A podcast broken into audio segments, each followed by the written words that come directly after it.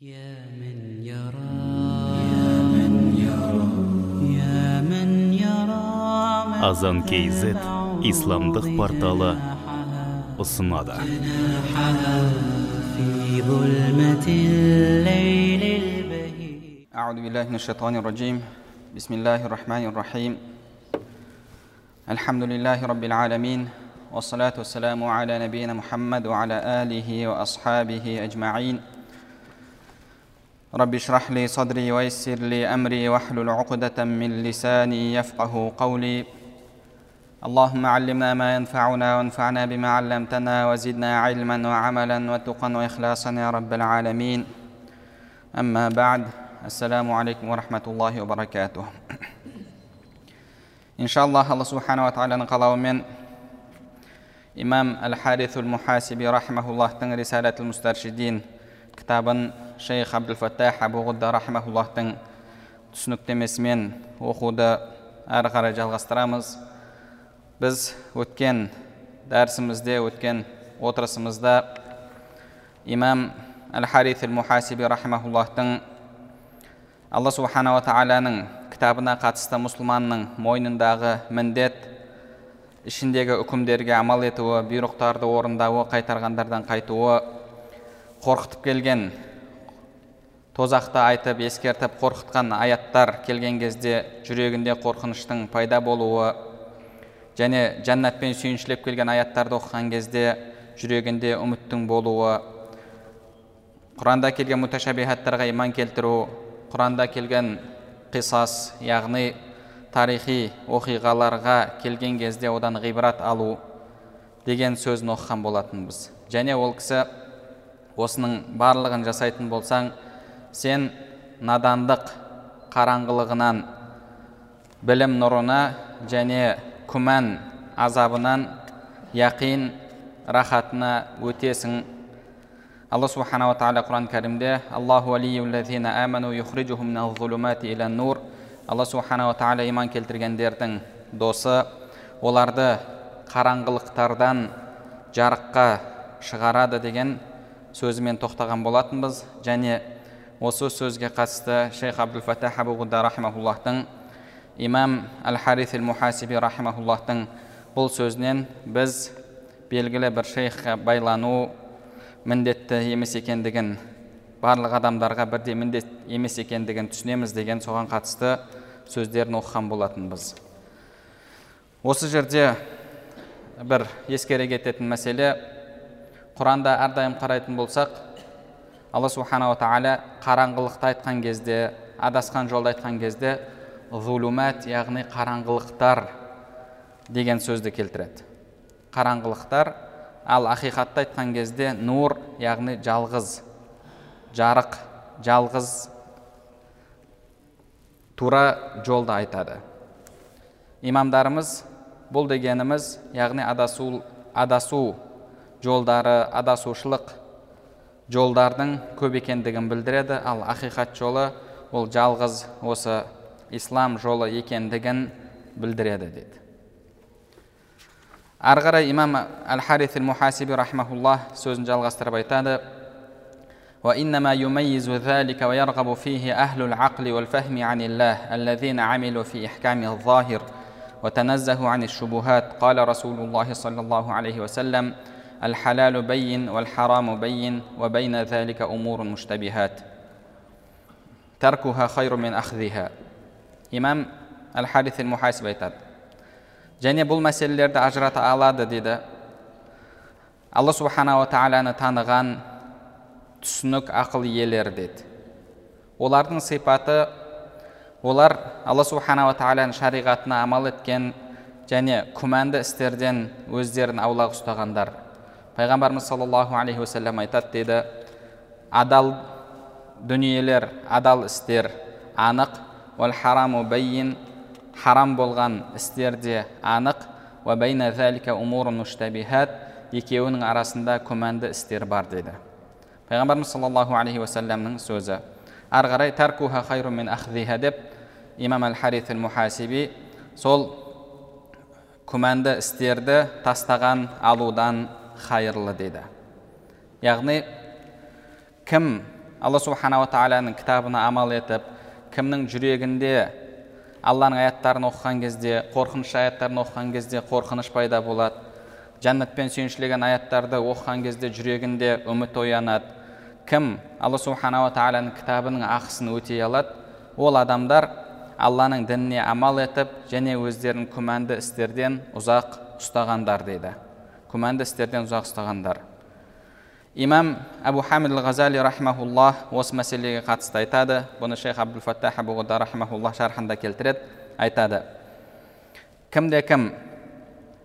Ешқандай адал нәрсе қалмады болды бұл дүниедегі барлық нәрсе харам болып кетті адал нәрсе тек қана өзендегі су мен өсіп жатқан шөп одан басқасының барлығын адамдардың ісі харам етіп жіберді деп ойлайтын болса бұл адам қатты қателеседі.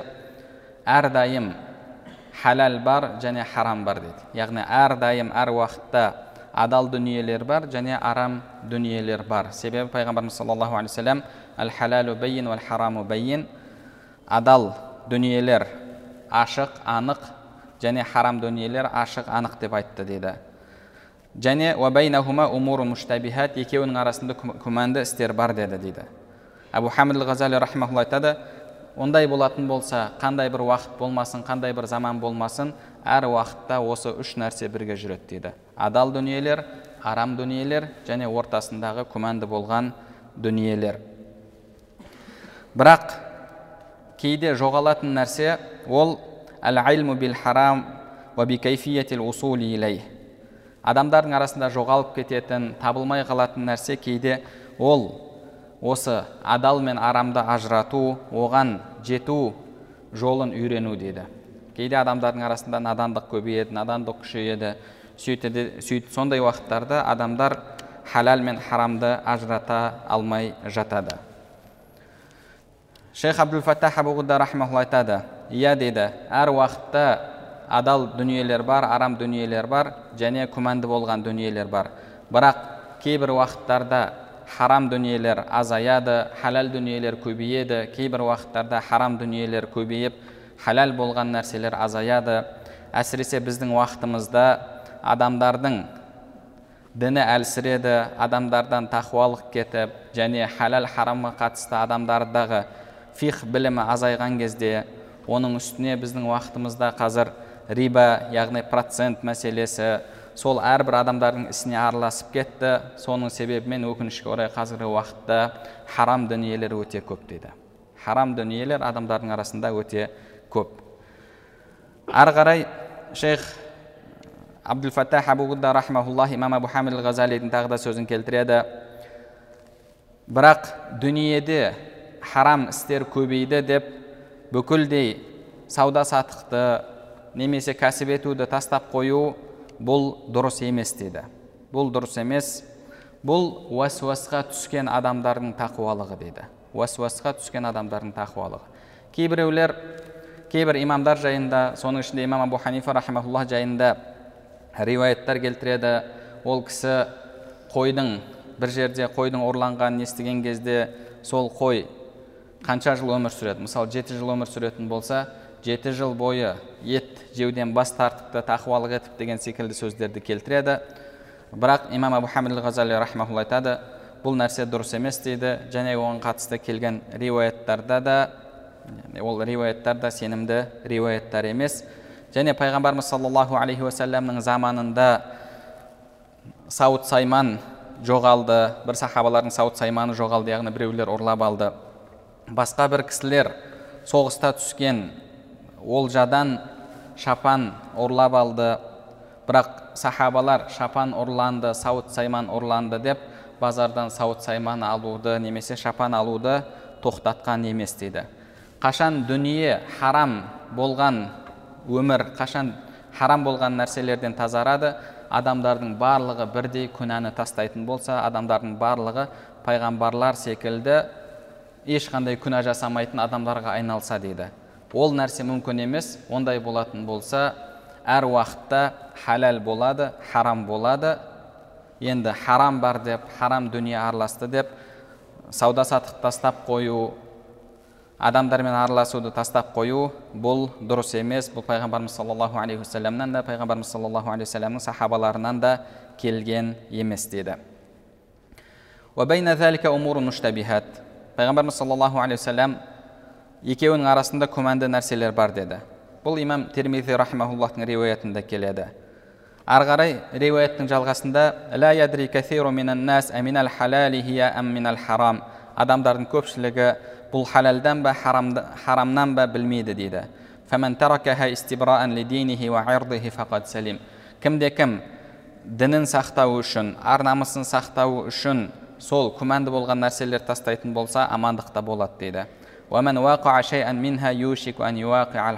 Ал енді кімде кім сол күмәнді болған істерді алатын болса күмәнді болған нәрсеге кіретін болса ол харамға түсуі мүмкін дейді имам ибн мунайир рахимахуллах бұхариге берген шархында айтады сол уақыттың үлкен ғалымдарынан әбул қасим ибн мансур әл қаббари әл искандарани рахимахуллах айтқан еді дейді бұны имам зайнуддин ибн мунайир рахимахуллах бұхариге жасап жатқан шархында айтады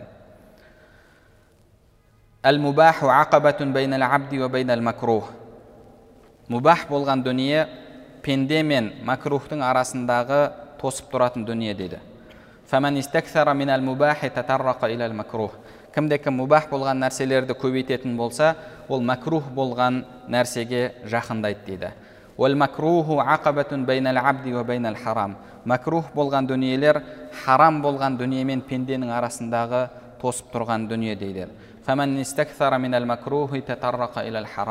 Ал енді кімде кім макрух істерді көбейтетін болса ол адам харамға жақындайды ол адам харамға түсуі мүмкін деген дейді. Имам ибн хаджар асқалани рахмауллах осы сөзді келтіргеннен кейін фатхал бари кітабында айтады хасан бұл өте жақсы сөздер дейді ибн хиббан бұны имам ибн хиббан рахмауллахта келген риуаят қолдайды дейді бұл сөзді ол жерде келген сөз пайғамбарымыз саллаллаху алейхи вассаламнан келеді ижалу байнакум уа байнал харами сутратан минал халал ман фаала залика истабра ли ирдихи ва диних сол үшін де деді. Яғни пайғамбар саллаллаху хадисінде келіп тұр. Екеуінің арасында күмәнді дүниелер бар. Кімде кім күмәнді дүниелерді тастайтын болса ол дінінде амандықта болады дегеннен кейін имам ибн хиббан рахимахуллахтың риуаятында тағы да пайғамбарымыз саллаллаху алейхи вассаламның сөзі келеді. Сол үшін де харам мен өздеріңнің араларыңда халалдан тосық жасаңдар деді. Яғни арасын тосып тұратын халал нәрселер болсын деді. Кімде кім осыны істейтін болса ол адам дінінде амандықта болады деді. Имам ибн хажар осы риуаятты келтіріп болғаннан кейін айтады. Адам бір істі істеп ол мубах істерді көп істеп макрухке жақындауы мүмкін дейді. Мысалы дейді адам халал болған мубах болған дүниені көп жейтін болса көп ішетін, ішетін болса көп көбейтетін болса оның шығыны көбейеді шығыны көбейген кезде ол сол шығынды табу үшін ертең харамға да түсуі мүмкін дейді. Харамға түсуі мүмкін. Ал енді харамға түсу мәселесінде адамдардың арасында адамдардың барлығы бірдей емес дейді. Фатин. Біріншісі білімді ғалым дейді. Ол мынау халал мынау харам деген мәселеде ол үкімдерді ажырата алады. Яғни шариғаттағы оның орнын біледі дейді. Ол адам қалай харамға түседі? Оның харамға түсуі макрухты е бұл макрух қой дінімізде макрух делінген ғой жек көрілген ғой бұл харам емес қой деп соны көбейтетін болса немесе мубахты көбейтетін болса бұл адам харамға түсуі мүмкін дейді. Ал бірақ діндегі үкімін білу жағынан бұның білімі бар бұл білместен харамға түсіп қала, харамға түсіп қалмайды дейді яғни білімді адам. Екіншісі енді білімі болмаған адам ол харам макрухты көбейтіп немесе мубахты көбейтіп харамға түсіп қалуы мүмкін немесе білімсіздігімен харамға түсіп қалуы мүмкін деді яғни базардағы кейбір мәселелерді білмейді кейбір мәселелердің үкімін білмейді сауда саттықта кейбір мәселелердің шариғатымызда дұрыс емес екенін білмейді де соның себебімен ол харамға түсіп қалуы мүмкін дейді одан кейін ары қарай айтады мәкрухты көбейткен адам мәкрухты көбейткен адам ол адамда сол іске қатысты яғни макрухты елемеу оның жүрегінде пайда болады деді неге себебі макрухты әрдайым істей берген адамда макрух әдетіне айналып кетеді макрухке макрух оның әдетіне кіріп қиналмастан макрухты істеп жатқан адамда харамға баруға жүрегінде бір күш пайда болады дейді яғни оның жүрегіндегі харамға түсіп қалам деген қорқыныш азаяды ол адам харамға жақындайды дейді немесе макрухты көп істейді макрухты көп істегендіктен де оның жүрегінде қараңғылық пайда болады. Алла субханала тағала оның жүрегінен нұрды кетіреді де оның жүрегінде қараңғылық болған кезде ол адам қаламаса да харамға түсіп қалады деді. Алла субханала тағала қашан пендесі әрдайым харам харамнан ұзақ болып халалды іздеп әрдайым тақуалықпен өмір сүреді алла оның жүрегіне нұр береді. Ол адамға алла субханала тағала харамнан ұзақтауды жеңілдетеді. Ал бірақ қашан адам макрухты көбейтеді? Ол адамның жүрегінде харамды көбейткен кезде жүрегінде қараңғылық пайда болады. Пайғамбарымыз саллаллаху хадисінде келгендей әрбір харам іс жүрекке дақ болып түседі. Соңында ол жүрек қап қара болады. Одан кейін ол жүрек халал мен харамды ажырата алмай қаламаса да харамға түсіп қалады деді. Имам әл қасталяни бұл да әхлі үлкен имамдарынан бұл кісінің иршаду сәри шарху сахих әл бұхари деген кітабы бар яғни бұхари имам бұхаридің хадистеріне шарх жасаған фатхал бари секілді кітабы бар мына жерде біреудің телефоны звондалып жатыр телефондарыңызды өшіріп қойсаңыздар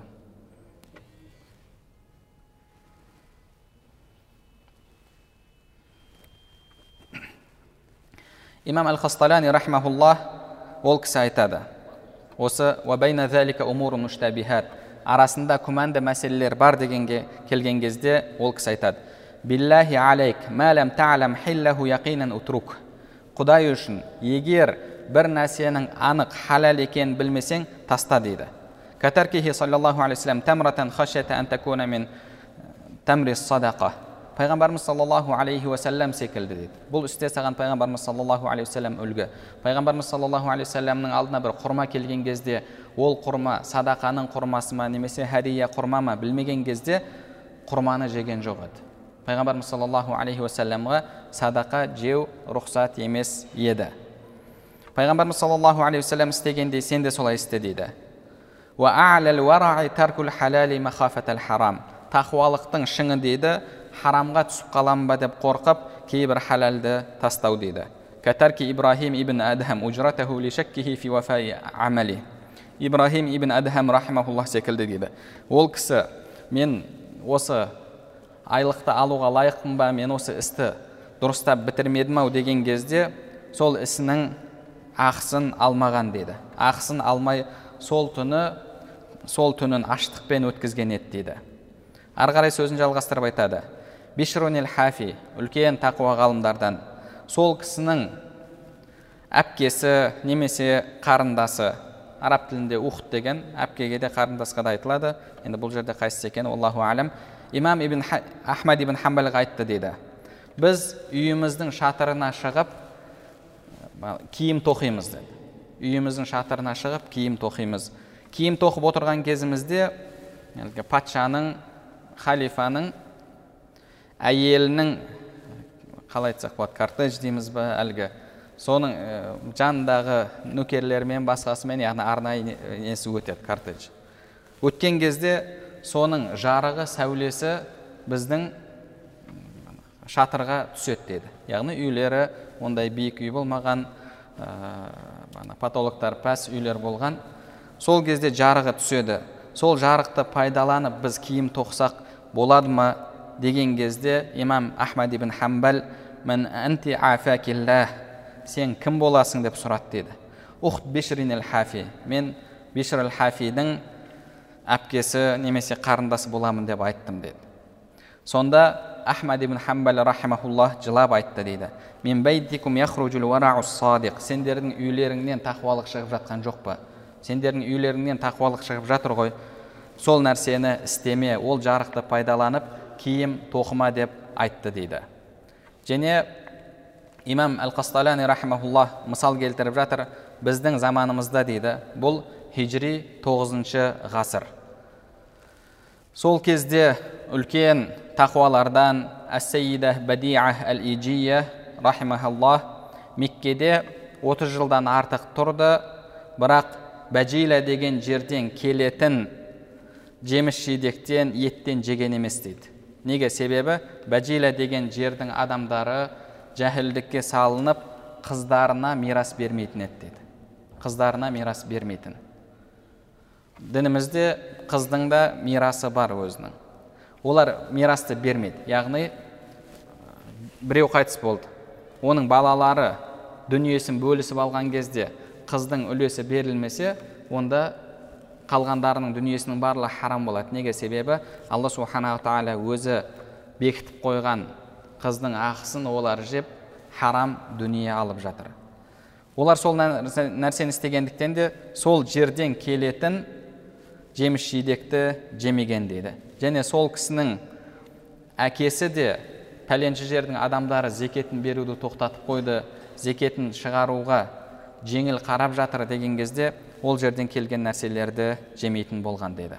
Яғни бұл әлгі адамның өзімен харамның арасында әлгі күмәнді болған істерді тастауы кейде халал болған дүниені де тақуалық үшін тастау. Имам әл қасталяни рахмаулла тағы да мысал келтіреді.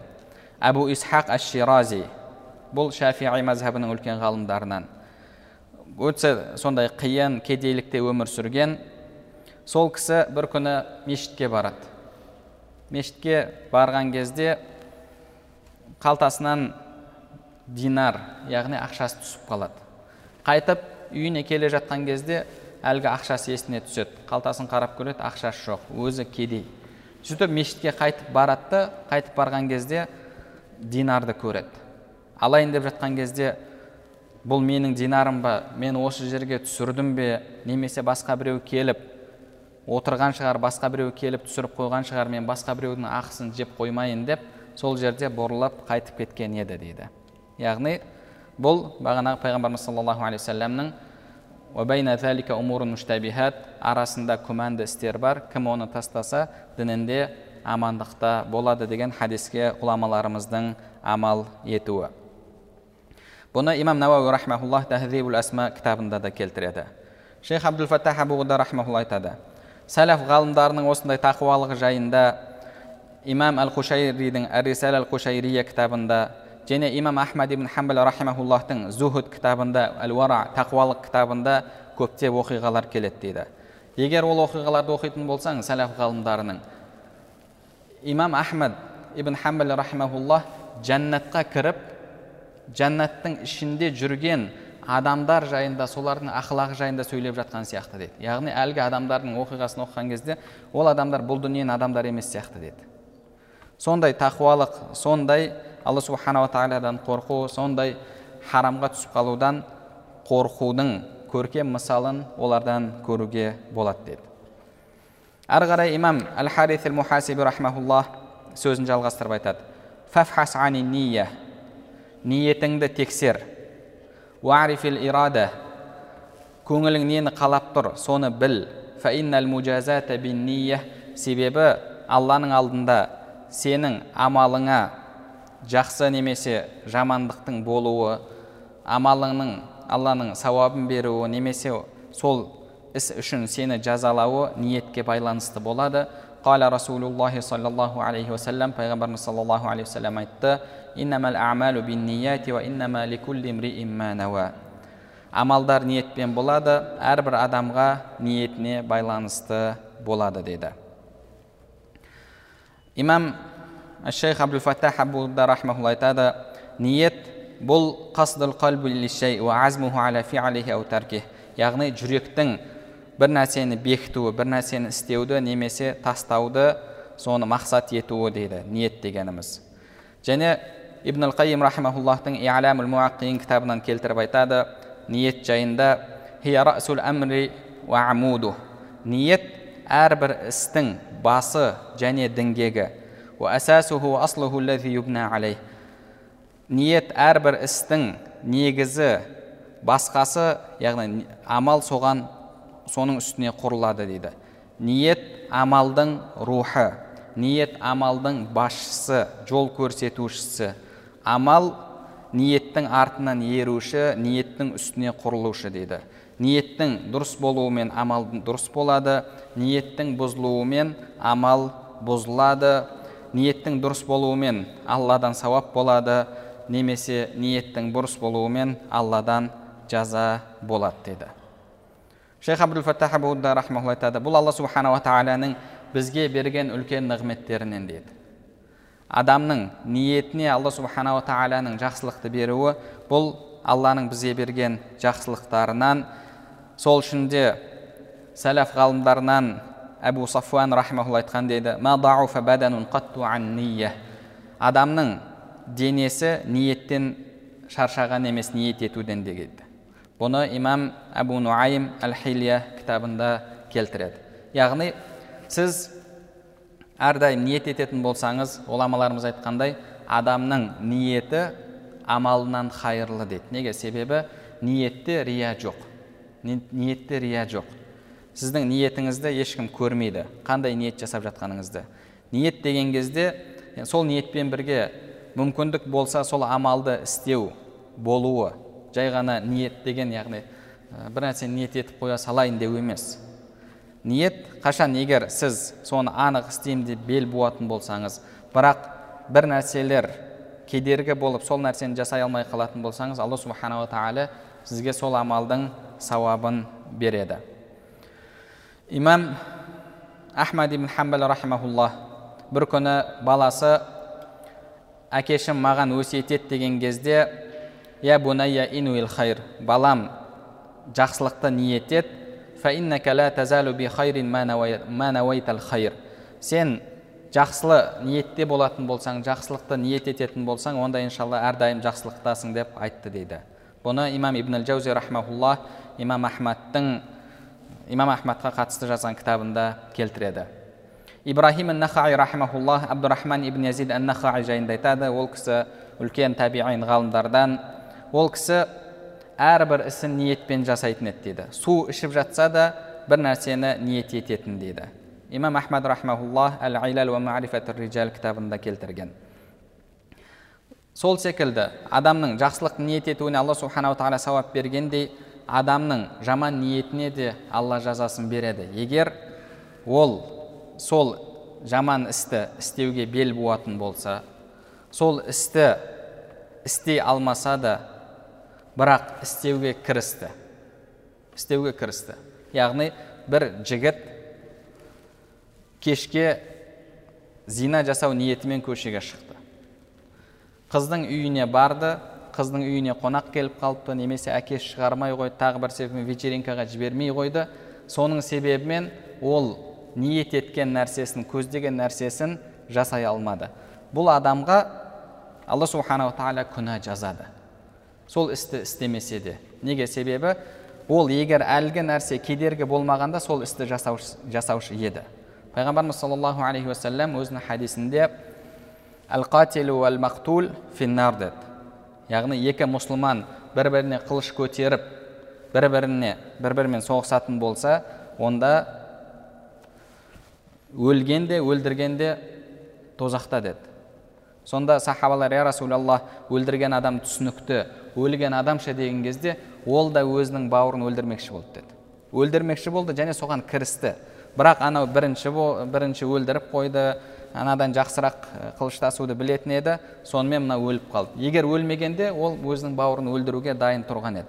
Сол секілді қайсы бір адам тақуалықпен алланы есіне алып күнә істі тастамаса басқа бір нәрсе себеп болып тастайтын болса сол нәрсе себеп болмағанда ол сол істі жасайтын ниетте болса сол ниетіне жараса алла субханала тағала оған күнә жазады.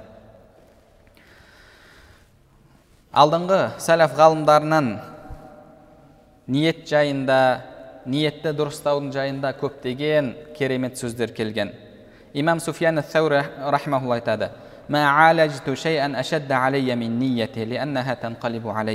менің түзетпекші болған емдемекші болған ең маған ауыр тиген нәрсе ол ниетім дейді. Неге себебі? Ниетім әрдайым ол өзгеріп кетеді. Сондай бір ә, тез өзгеретін нәрсе деді сондай үлкен имамдар осындай сөзді айтып жатса онда бізге не деуге болады?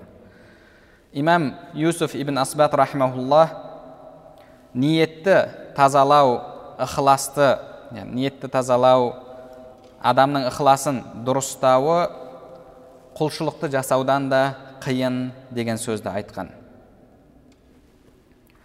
Ары қарай имам әл харис әл мухасиби рахмаулла сөзін жалғастырады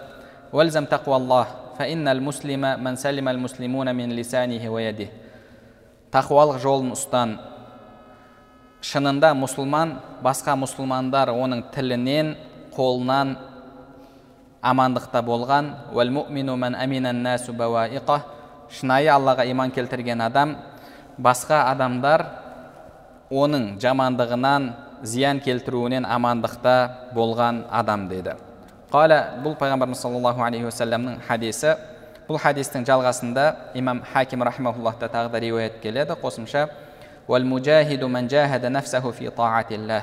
мужахид яғни шынайы джихад жасаушы ол алланың жолында аллаға итаат ету аллаға бағыну жолында өзінің нәпсісімен күрескен адам дейді. Ал шынайы хижрат жасаушы адам қоныс аударушы адам бұл күнәні қателіктерді тастаған адам дейді. Имам әл харис мухасиб рахмаулла сөзін жалғастырып айтады қала әбу бәкрин сиддиқ радиаллаху ан әбу бәкір сиддиқ радиаллаху анху айтты дейді иттақиллаха аллаға бағынумен тақуалық ет және тақуалықпен аллаға бағын дейді қолыңды мұсылмандардың қанынан тос дейді яғни қолыңды мұсылмандардың қанынан сақта яғни басқа мұсылманның қанын төгуші оған қолыңмен зиян келтіруші болма.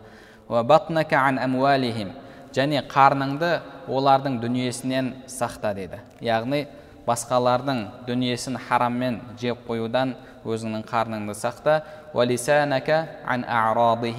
Және тіліңді олардың ар намысынан сақта дейді. Яғни біреуді ғайбаттау біреуді біреу жайында өсек тасу біреу жайында жаман сөзді айту бұл біреудің ар намысына тіл тигізу болып табылады.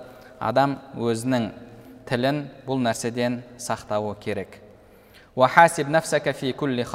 Және әрбір басыңа келген ойда өзіңе есеп бер деді хатра деген араб тілінде яғни келіп тез келіп кететін ой. Сондай басыңа бір ой келіп жатқан кезде сол ой үшін өзіңе есеп бер дейді. Шейх абдул фаттах осы жерде имам ибн ал қайым рахмауллахтың әл фауаид кітабындағы сөздерін келтіреді. Ибн ал қайым рахмаулла айтты дейді. Дафи ал хатра басыңа келген ойды итеріп таста деді. Басыңа ой келді. Ол ойды итеріп таста деді. Егер итеріп тастамасаң онда ол шахуатқа айналады деді. Яғни адамның басына бір харам ой келді бір қыз жайында ой келді. Сол нәрсені итеріп тастап басын сол нәрседен арылтпаса ол ертең шахуатқа айналады дейді. Яғни адам нәпсісіне жағады соны ойланады көп ойлап ар жағында ол ұлғая береді. Фахарибха шахуатпен күрес дейді. Күреспесең ол азимаға айналады деді азима деген яғни болды осыны істеймін деген адамдағы сондай бір күшті ниет. Басында жай ғана бір ой келді. Ойды итеріп тастамадың ол шахуатқа айналды. Енді шахуат күшейіп келіп енді сол ары қарай осыны енді жүзеге асыру керек. Осыны яғни практика жүзінде сыртқы амалға айналдыру керек деген адамда ой ниет пайда болады.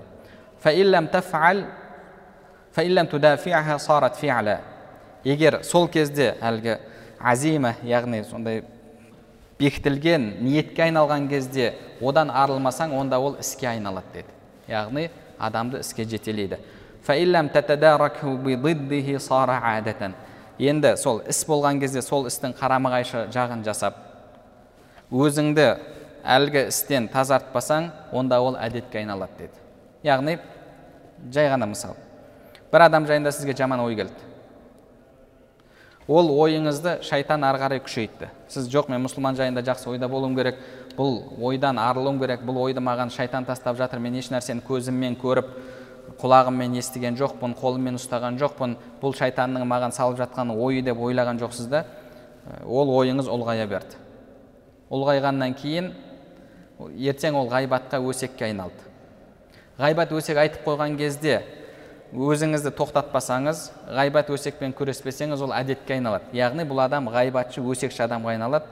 Өсек айту ғайбат айту бұл адамға еш нәрсе болмай қалады.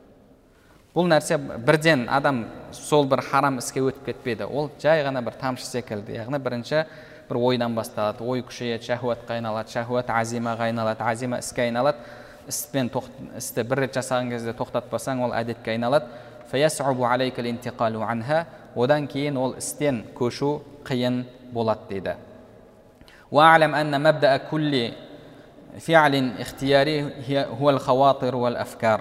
Және әрбір алла саған таңдау берген сен өз еркіңмен жасайтын әрбір істің басы ойдан пікірден тұрады деді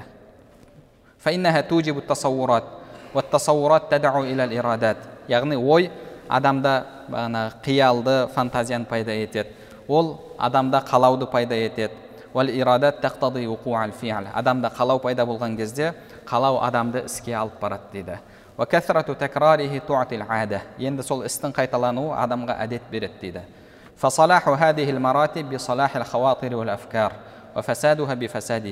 Енді адамның ісінің дұрыс болуы адамның ісінің дұрыс болуы сол басында келген ойдың дұрыс болуымен дейді. Адам бірінші сол оймен күресу керек. Оймен күресе алмады ма? Ол шахуатқа айналды шахуатпен күресе алмады ма? Ол азимаға айналады а соңында іске айналады. Сол үшін де адамның ісінің жақсы болуы ойының жақсы болуымен адамның ісінің жаман болуы ойының жаман болуымен деді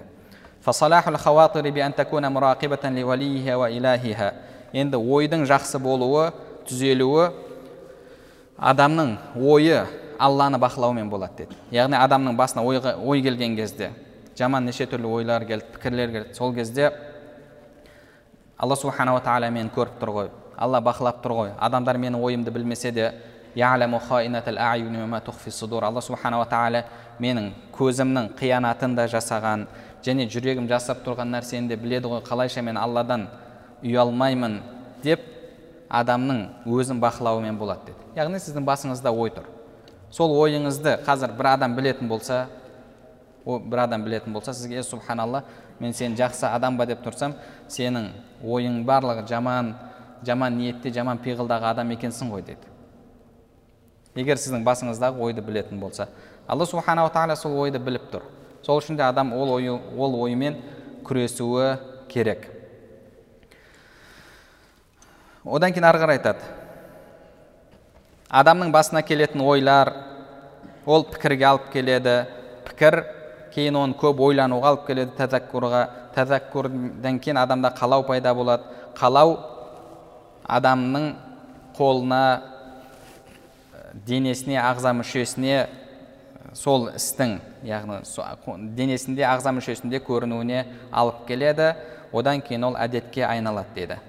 Одан кейін мына нәрсені айтады. Бұл өте маңызды нәрсе. Адам келіп жатқан ниетті тоқтатып қоюға мүмкіндігі жоқ деді яғни сіз еш нәрсені ойламай ойыңызды өшіріп қойып тұра алмайсыз. Адамның ойына әйтеуір әр, әр уақытта бір нәрсе келіп тұрады. Оны кесіп тастауға алла субханала тағала сізге күш қуат берген жоқ. Сізге демалу қалай керек болса сіз қаласаңыз да қаламасаңыз да демалып жатасыз. Тура сол секілді адамға ой да келеді дейді. Бірақ адамның иманының күштілігі ақылының кемелдігі сол ойлардың жақсысын қабылдауға жаманын тастауға көмектеседі дейді. Көмектеседі. Алла субханала тағала адамның нәпсісін диірмен секілді етіп жаратты дейді. Ол сондай диірмен ол ешқашан тоқтамайды. Оған әлгі ә, диірмен бидайды арпаны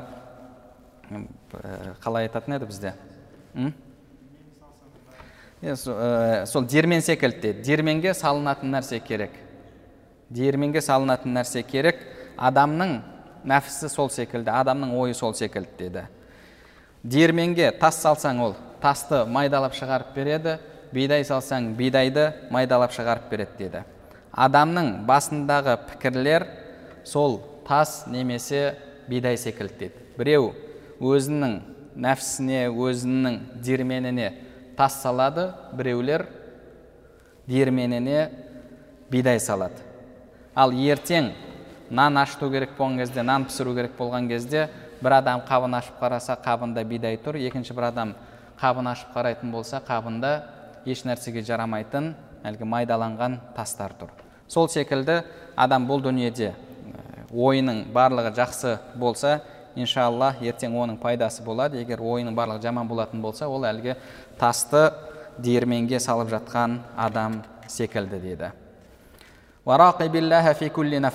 имам әл хариф мухасиб рахмаллаға айтады әрбір нәфасыңда яғни әрбір деміңде алланы бақыла дейді قال عمر رضي الله عنه حاسبوا أنفسكم قبل أن تحاسبوا ертең қияметте алланың алдында есеп бермей тұрып өздеріңе есеп беріңдер дейді ертең амалдарың таразыға қойылмай тұрып өздерің бұл дүниеде амалдарың таразыға қойыңдар дейді акбар және ертең алланың алдында ұлы тұру болады ұлы жиналу болады сол күнге дайындалыңдар ол күні еш нәрсе жасырын болмайды дейді яғни адам бұл дүниеде өзіне есеп беруі керек. Осы омар радиаллаху анхудың сөзінің ары қарай тағы да жалғасы келеді. Бұны имам ибн әл жаузи рахмаулла келтіреді.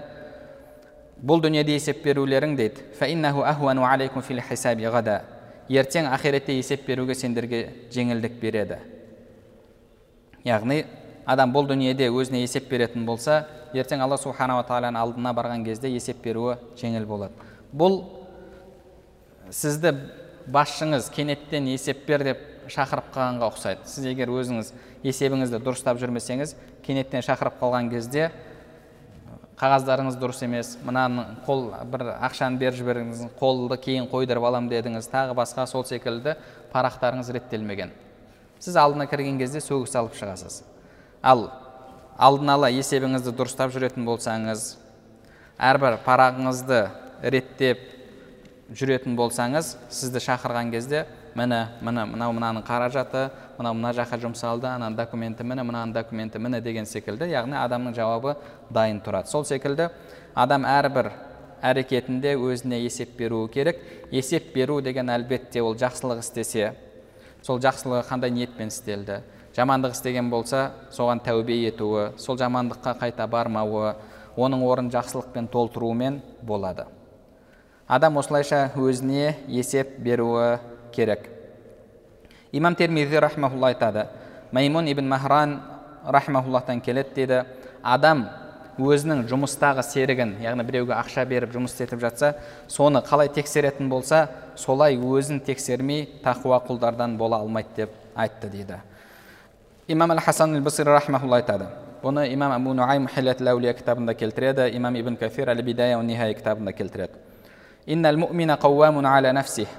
мүмин адам әрдайым өзін бақылаушы дейді ол алла үшін өзіне есеп береді бұл ертең ақиреттегі есеп бұл дүниеде әрбір ісінде өзіне есеп бергендерге жеңіл болады бұл дүниені есепсіз алғандарға ақиреттің есебі ауыр болады деп айтты деді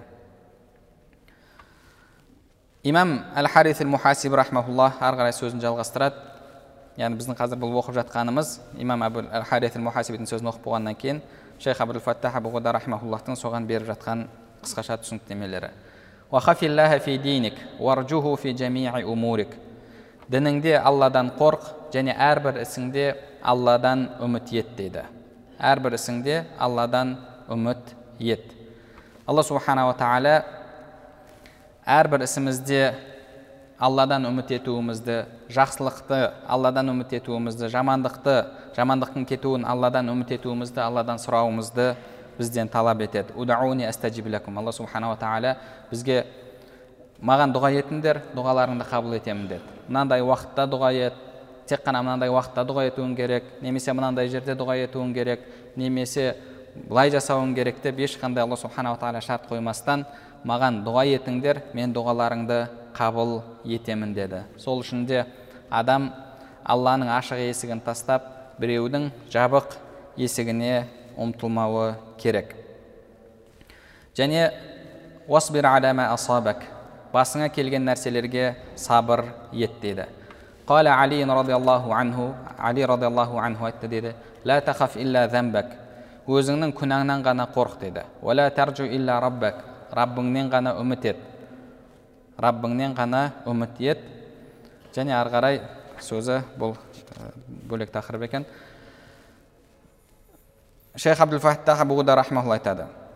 Қиындық яғни асабак басыңа түскен қиыншылыққа сабыр ет дегенге қатысты сабырлық бітпейді деп ойлама дейді. Сабырлық бітпейді деп ойлама алла субханала тағала құранда сабирин яғни қиыншылықтарға сабыр еткендерге пайғамбарымыз айтады. Сабыр еткендерді сүйіншіле деді сүйіншіле деген яғни бір алдыңда келе жатқан жақсылық бар.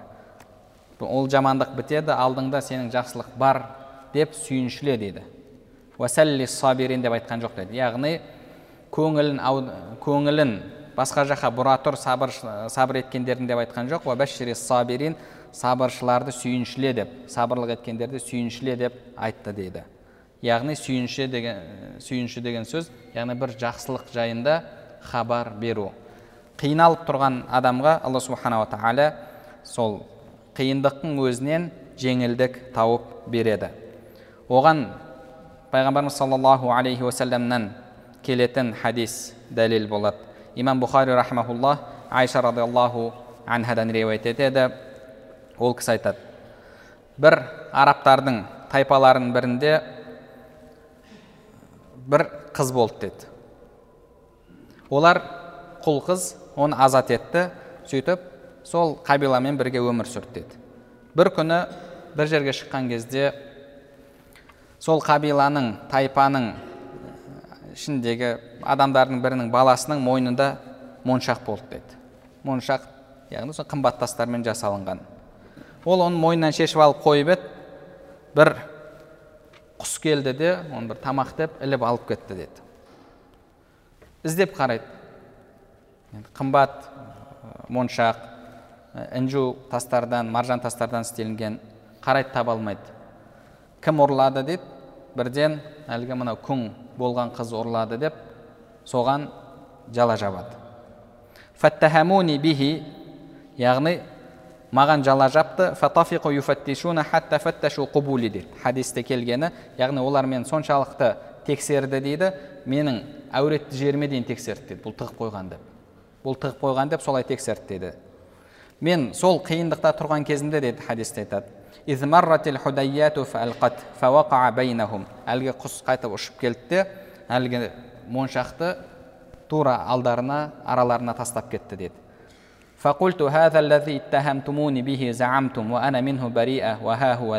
Міне сендердің жала жауып жатқан нәрселерің міне осы.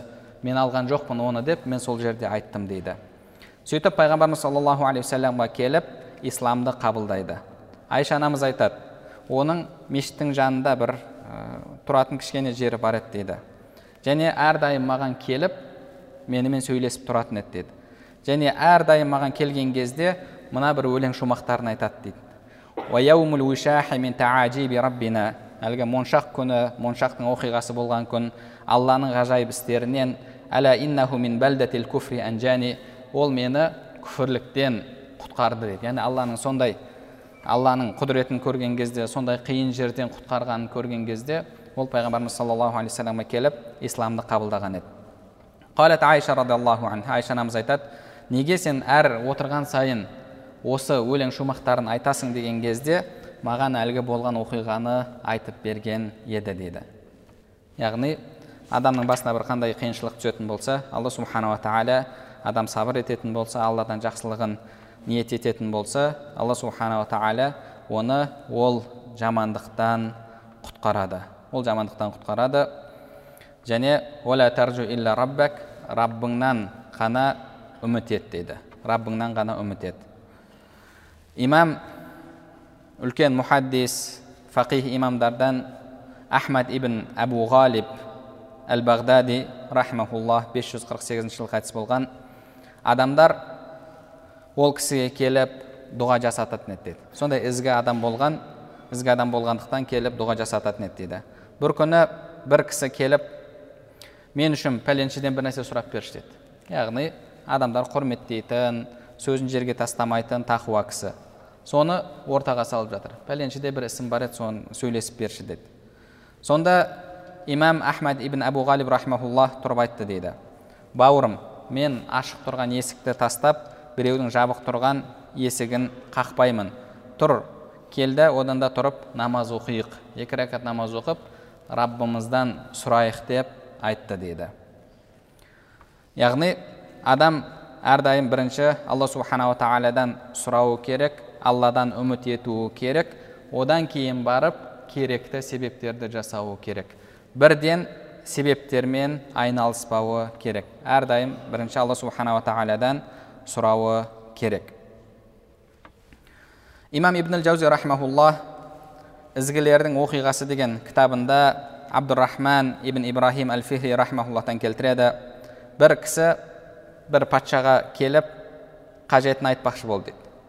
Қараса әлгі патша әмир сәжде етіп алладан сұрап жатыр деді сонда мен қарап тұрып айттым деді. Бұның өзі басқаға мұқтаж болатын болса мен қалайша бұған мұқтаж боламын? Неге мен де қажетімді аллаға көтермеймін неге алладан сұрамаймын? деп әлгі адам бұрылып кетті деді. Оны патша естіді де намазын бітіргеннен кейін әлгі кісіні шақыртты деді. Әлгі кісіні алып келіңдер деді. Алып келген кезде оған он мың динар он мың дирхам беріңдер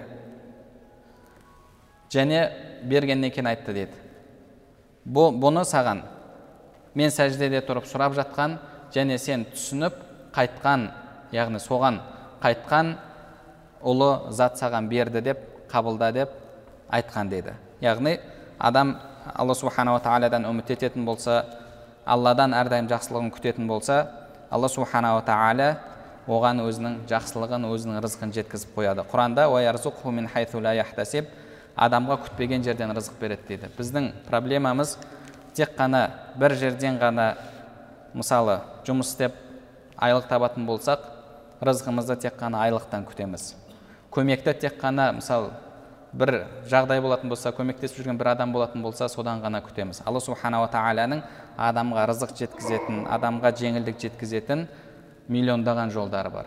Адам күтпеген жерден оған рызық беріп қояды деді. Иншалла имам әл харит мухасибидің сөздерін ары қарай иншалла келесі дәрістерімізде оқып жалғастыратын боламыз. Алла субханала тағала бәрімізге пайдалы білім нәсіп етсін білімдерімізге амал етуімізді амалдарымыздың қабыл болуын нәсіп етсін. Субханак бихамдик ашхаду ан ла илляха илля ант. Астағфирук ва атубу илейк